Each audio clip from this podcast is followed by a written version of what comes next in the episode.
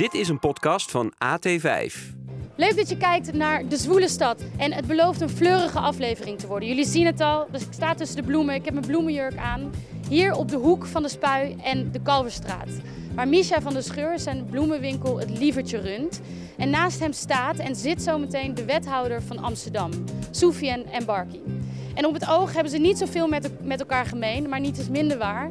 Want beide krijgen ze te maken met de gekte van de veranderlijke binnenstad. Ze zijn heel gedreven in wat ze doen, in hun werk, maar ook privé. Beide heren zijn vader. En daar gaan we het zo meteen allemaal over hebben. Aan tafel, met een bosje bloemen natuurlijk.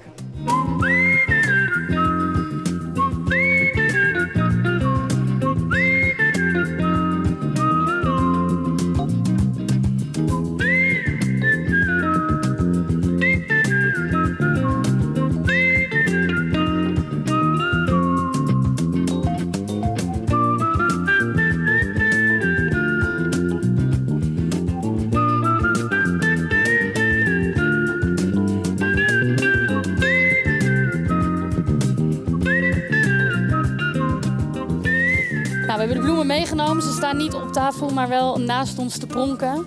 Soufiane, heb jij eh, bloemen in huis? Altijd, tenminste. Dat Ja. proberen we. En dan is het of ik neem iets mee of... eh, ik krijg ook heel vaak bloemen, bloemen mee als ik ergens ben geweest. Oh, Dus bloemen zijn wel onderdeel van, eh, van het thuisfront. scheelt weer in de portemonnee. Zeker. Maar de volgende keer haal jij ze bij Misha? Nou, als ik hier toevallig langskom is het zeker geen, eh, geen verkeerde ook. plek. Jullie bezorgen, Bezorgen ook. Nou, dan gaan we Ah, kijk, uit, nu dus kun je er helemaal niet meer omheen. Ik denk, ik kan er misschien nog omheen, maar dat kan niet meer.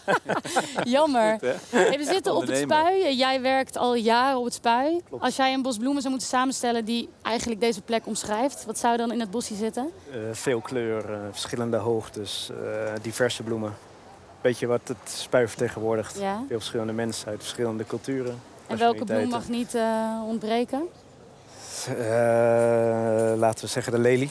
Het, het, het jaar rond verkrijgbaar en opent altijd mooi. Kijk, dat is een goeie. Dat is een mooi bosje, hè? Ik, zou, ik zou hem kopen. hey, het spui dus. Eigenlijk voor jullie beiden een thuiswedstrijd. Bijna letterlijk. Jij voetbalde vroeger altijd op het Rokin. Jij hier. Poelde op het rokin. Poelde. Poelen, ja. Voetballen, dat deed ik ergens, ergens anders. Oh, Nou ja, is ook wel leuk, poelen. shit. Even doorgeven hoor. Nee. maar hoe kijk jij nu naar het, eh, naar het spui, zoveel jaar later? Nou ja, gewoon de stad Amsterdam is gewoon een prachtige stad. Ik bedoel, het feit dat je in deze stad mag opgroeien. Ik ben er ook geboren en je ziet gewoon eh, heel veel plekken die je in je jeugd ook eh, beleefde. Nu op een andere manier. De stad verandert ook. Dus je ziet ook nou, bepaalde plekken die mooier worden. Bepaalde plekken waar je toch van denkt van jammer dat het nu die richting op gaat. Maar de stad is dynamisch, maar overal... Ik geniet als ik eh, op zo'n plek ben vandaag. Ik bedoel, we zijn hier nu.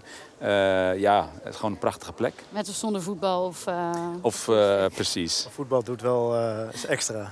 Zeker, maar dat, Ah. dat, dat is niet, dit is niet echt een plek waar je zomaar even gaat voetballen. Nou, jij wel, toch? echt Echt waar? bal, Hier ja. kun je voetballen. Ik kun hier heel goed Maar voetballen. als je dat had gezegd, dan... eh, Dan, Dan had hadden je een link. meegespeeld. Jazeker. Dan hadden we even van tevoren een balletje getrapt. ja. Ja, en eh, rondom het beeld, het lievertje. En dat heeft alles te maken met de naam van jouw bloemenstal. Klopt. Dat heeft jouw vader zo Klopt. Mijn bedacht. vader is inderdaad in 82 deze bloemenstal gestart. Dus we bestaan nu 41 jaar, Zo. eh, 42 jaar. En de naam Het Lievertje komt inderdaad van het, van het beeld wat daar op het spui staat voor, eh, voor de boekhandel. Ook een beetje de qua jongensstreken, voetballen rondom. eh, Een beetje, ja, Ja. ja. ik deed het aan de andere kant van het spui, maar eh, inderdaad oh, wel. zodat Ja. je niet betrapt werd. Laten we het overhouden.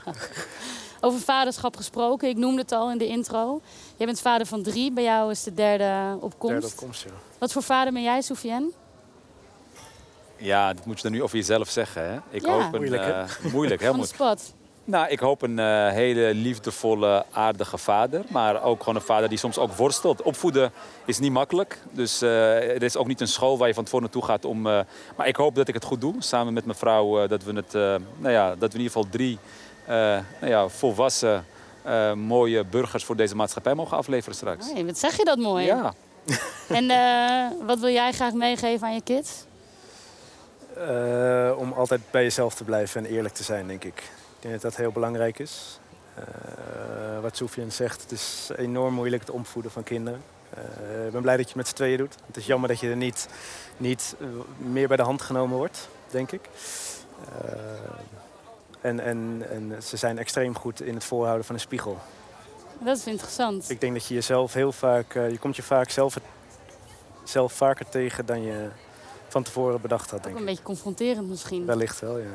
Jij, uh, je, je, noemde het al, 41 jaar geleden richtte jouw vader het Lievertje op. In 2010 ja. heb jij het opgenomen, overgenomen. Ja.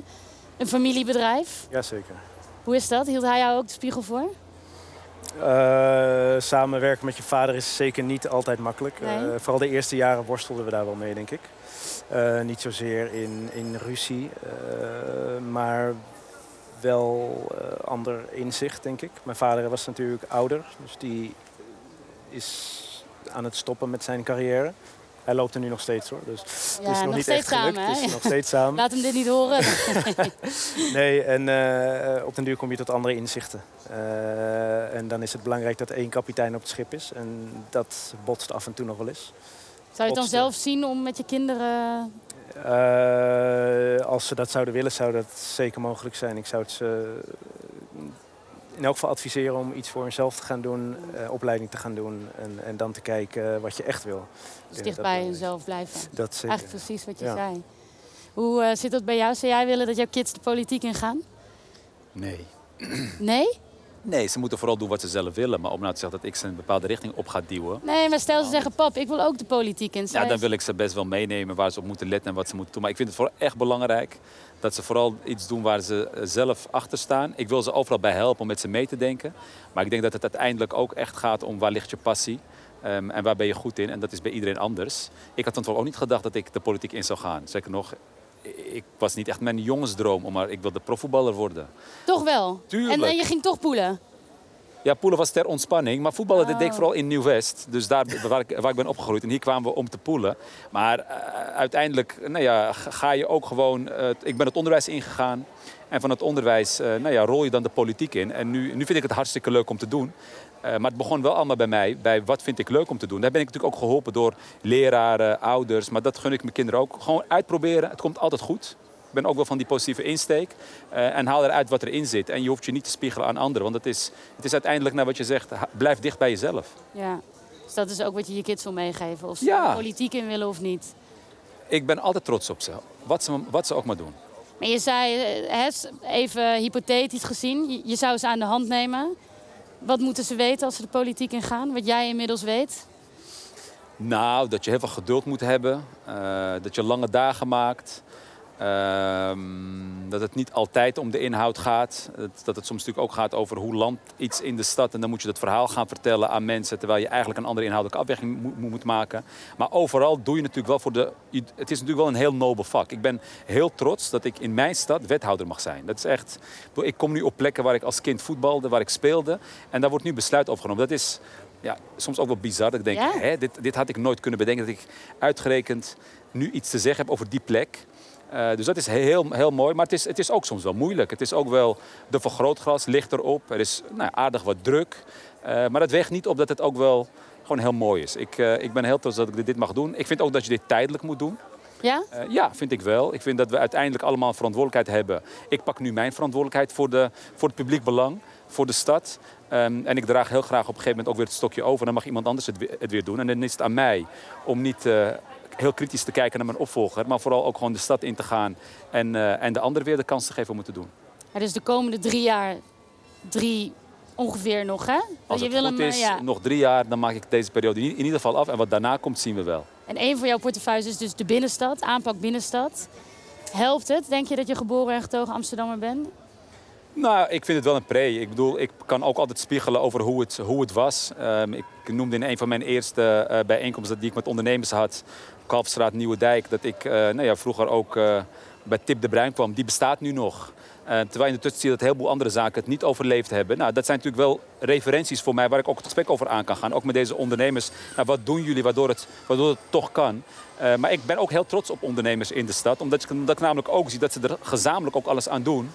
Om die binnenstad toch aantrekkelijk te houden, hoe moeilijk het ook is.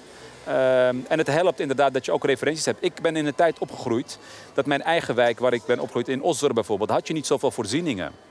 Dus uh, we kwamen ook naar de binnenstad omdat je geen alternatief had. Ja. Maar je ziet dat het verzoeningsniveau overal in de stad nu best goed is. Dus je hoeft niet meer per se naar de binnenstad. Maar toch wil ik dat mijn kinderen op een gegeven moment ook naar de binnenstad komen. Ik gun het ze. En dat is wel een uitdaging. Hoe zit het bij jou, Michel? Jij bent hier natuurlijk, uh, ik, ik zeg even vijf, zes dagen per week, misschien wel zeven dagen per week. Zes dagen, ja. Om te werken. Maar kom je hier ook gewoon in je vrije tijd? Nee, ik kom hier nooit in vrije tijd. Nee? Nee, maar dat is niet uh, omdat ik hier niet per se wil zijn, maar uh, ik ben hier altijd. Ik ben hier zes dagen per week en ik, ik, ik zie het centrum ook als mijn werkplek. Ik werk hier altijd. Uh, ik sta altijd in de drukte. Uh, nou, ik weet niet hoeveel mensen door de Kalfstraat heen wandelen. maar het zijn er veel. ik hoef niet ja. per se de drukte op te zoeken als ik een dag vrij ben. En voor jouw kinderen, je zegt je wil de jongeren naar de binnenstad halen. Zie jij dat ook voor jouw kinderen? Van ik wil ook dat zij later in de binnenstad komen. Nou, ik vind wel dat dat een plek moet zijn waar je naartoe kan. Net zoals elke andere plek in de stad. en die plek moet dan ook veilig kunnen zijn en, en, en schoon moeten zijn. Uh, ja, is dat nu het geval? Nou ja, als je het hoort uit verschillende onderzoeken, uh, uh, blijkt dat niet overal zo te zijn. Nee. Nee, nee ja, ik, ik, las laatst een onderzoek wat verricht is voor de veiligheid. En dan zie je dat mensen zich twee tot drie keer, ik, ik, weet niet in ho hoeverre dat te meten is, maar twee tot drie keer angstiger zijn op straat na corona dan voor corona. Specifiek hier? Of? Nou, het schijnt de binnenstad te zijn, uh, ook met, met bedreiging en, en heling en, en, en alles wat ook open en bloot hier in de binnenstad gebeurt. Het klinkt niet best. Hoe, uh, hoe hoor jij dit aan? Nou ja, het is altijd uh, niet fijn als mensen zich op straat onveilig voelen. Dus daar zullen we altijd oog voor moeten blijven hebben en ook echt op uh, moeten, moeten handelen. Nou, daarentegen zie je ook wel weer dat een groot stad als Amsterdam natuurlijk altijd ook met bepaalde zaken te maken heeft waar je in een kleinere gemeente minder mee te maken heeft. Maar al met al hoop ik dat iedereen zich in deze stad in ieder geval, nou ja, in ieder geval veilig moet kunnen wanen om op straat te gaan en te doen waar je, waar je, waar je, ja, waar je zin in hebt. Maar we moeten echt continu oog blijven houden voor, uh, ja, in ieder geval samen naar elkaar omkijken. Um, en de politie is uiteindelijk het sluitstuk, want die, die helpen ons daarbij. Maar het begint ook bij um, hoe zorgen we dat met name de binnenstad. Je merkt daar ook wel weer de afgelopen jaren door bijvoorbeeld heel veel uh, vakantieverhuur. Dat, dat sommige straten eigenlijk ook een vrij anoniem karakter krijgen. Dan, daar begint eigenlijk de onveiligheid. Als je alleen maar uh, woont met, met, met passanten die er niet meer zijn, ja, dan kijk je ook niet meer naar elkaar om. Dus het begint ook bij dat we die woonfunctie in de binnenstad weer terugkrijgen. Want dan krijg je weer een, weer een, vorm van sociale cohesie. Dan kijk je naar elkaar om. En dat draagt ook bij aan de veiligheid. Want ik herken heel erg wat je zegt. Um, en als ik bijvoorbeeld kijk naar mijn eigen wijk waar ik, waar ik woon. Ja, wij, wij, wij buren houden elkaar ook in de gaten. Dat hoort er natuurlijk ook bij. Maar als je dat hier niet meer hebt, en dat zie je toch wel gebeuren in bepaalde delen. Ik bedoel, tijdens corona uh, kwam ik hier en dan waren er echt straten waar het licht gewoon s'avonds niet meer aanging. Ja, dat is ook heel tekenend. Terwijl ja. overal in de stad nou ja, was het licht aan, juist omdat je niet naar buiten mocht. Tenminste, na een bepaald tijdstip. En hier, hier, hier, hier was het allemaal, ja, het was allemaal, en dat is natuurlijk niet goed. Zorgelijk. Heel zorgelijk. Dus je zou willen zeggen, kijk, kijk naar elkaar om, blijf Zeker, naar kijk naar elkaar om. Laten we kijken dat mensen in de binnenstad ook weer ruimte krijgen om te gaan wonen. Dat doen we natuurlijk ook via nou, bijvoorbeeld onze deelnemingen die we, die we als stad hebben, de NVC Dijk. We kopen ook echt plekken op in de stad waar we dan ook de woonfunctie proberen terug, terug te brengen. We zijn ook aan het kijken naar wonen boven winkels. Waardoor je meer reuring krijgt. En hoe meer mensen er gaan wonen, dan komt er ook weer ja, meer het veiligheidsgevoel. Dat je naar elkaar omkijkt. En dat je ook samen ervoor zorgt dat de buurt gewoon veilig is. Ja. Je zei het al, je kwam hier als jong jochie om te voetballen. Nu zit je hier als ondernemer aan tafel bij de Zwoele Stad. Je kijkt weer uit op het spui. Hoe, hoe vind jij dat het veranderd is? Het plein en ook de Kalverstraat? Ja, de, de, de, het geheel aan zich is natuurlijk niet extra, is niet veranderd. Uh, alles is in principe hetzelfde. Uh, je ziet wel in de straat zie je een ander ondernemersbeeld.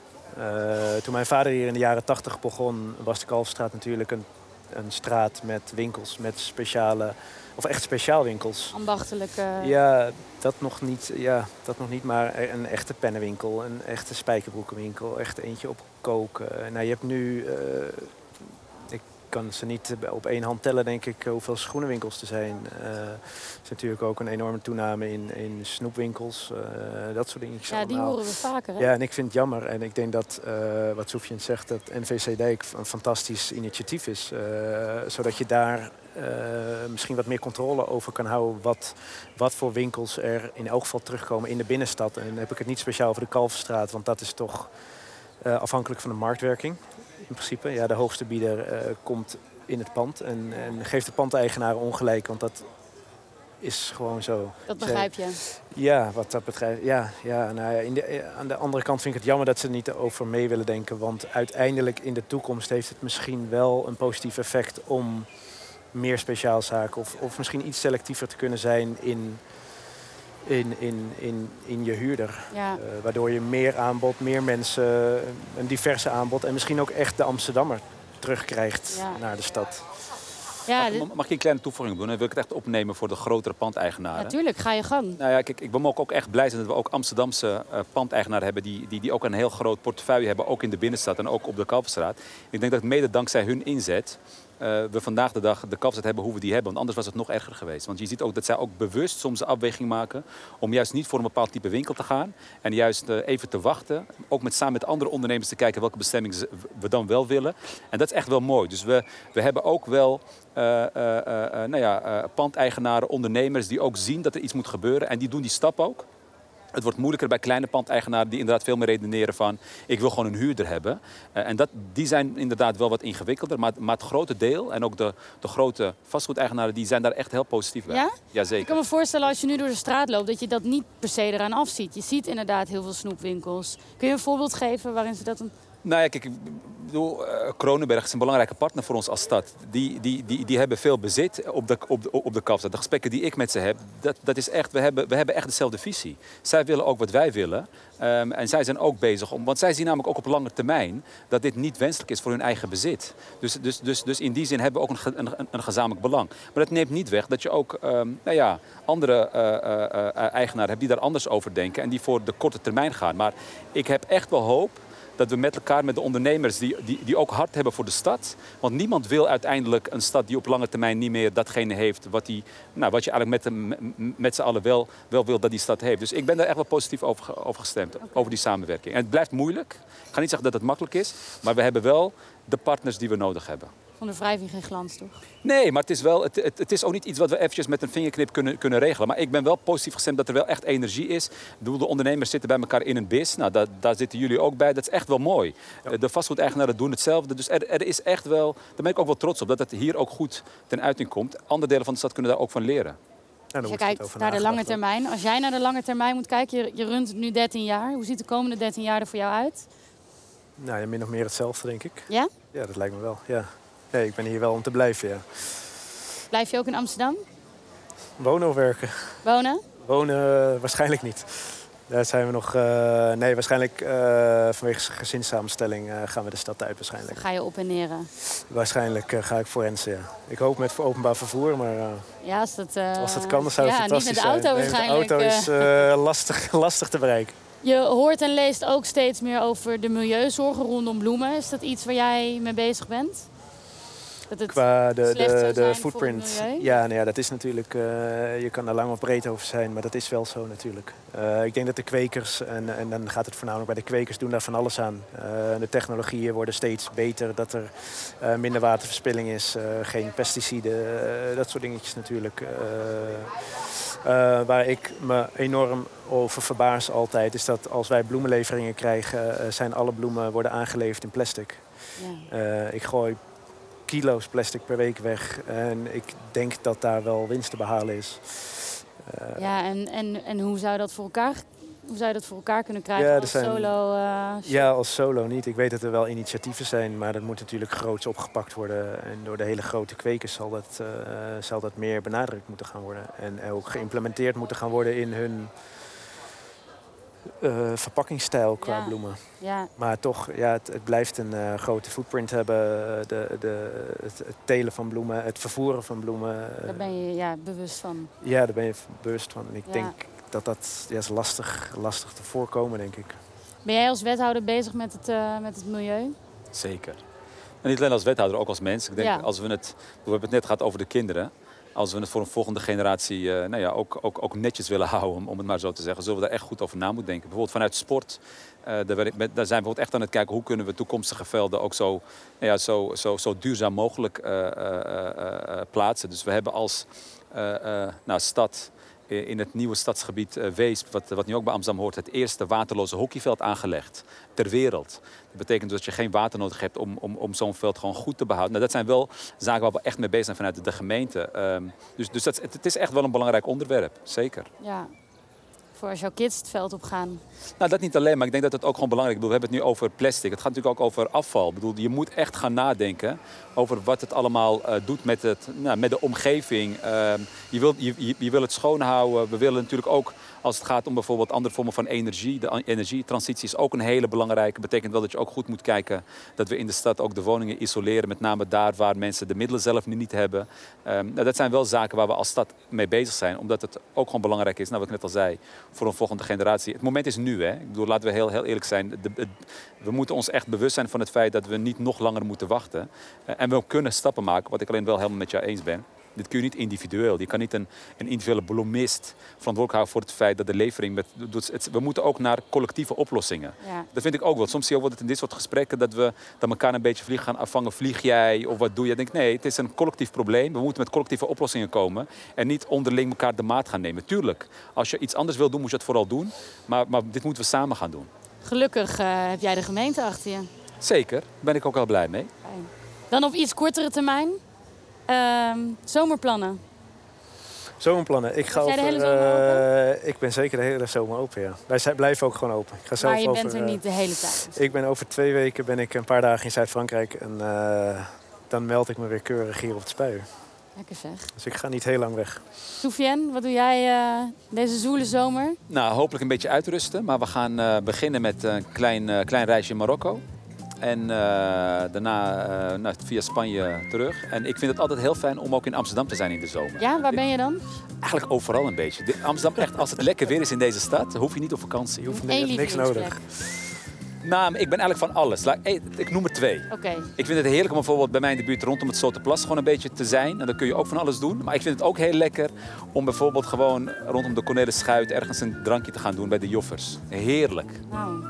Goede inspiratie voor thuis, uh, denk ik. Heel erg bedankt voor het kijken. Jullie natuurlijk heel erg bedankt ja. voor het aanschuiven. We hebben het gehad over onze mooie stad. Geniet ervan. Fijne zomer.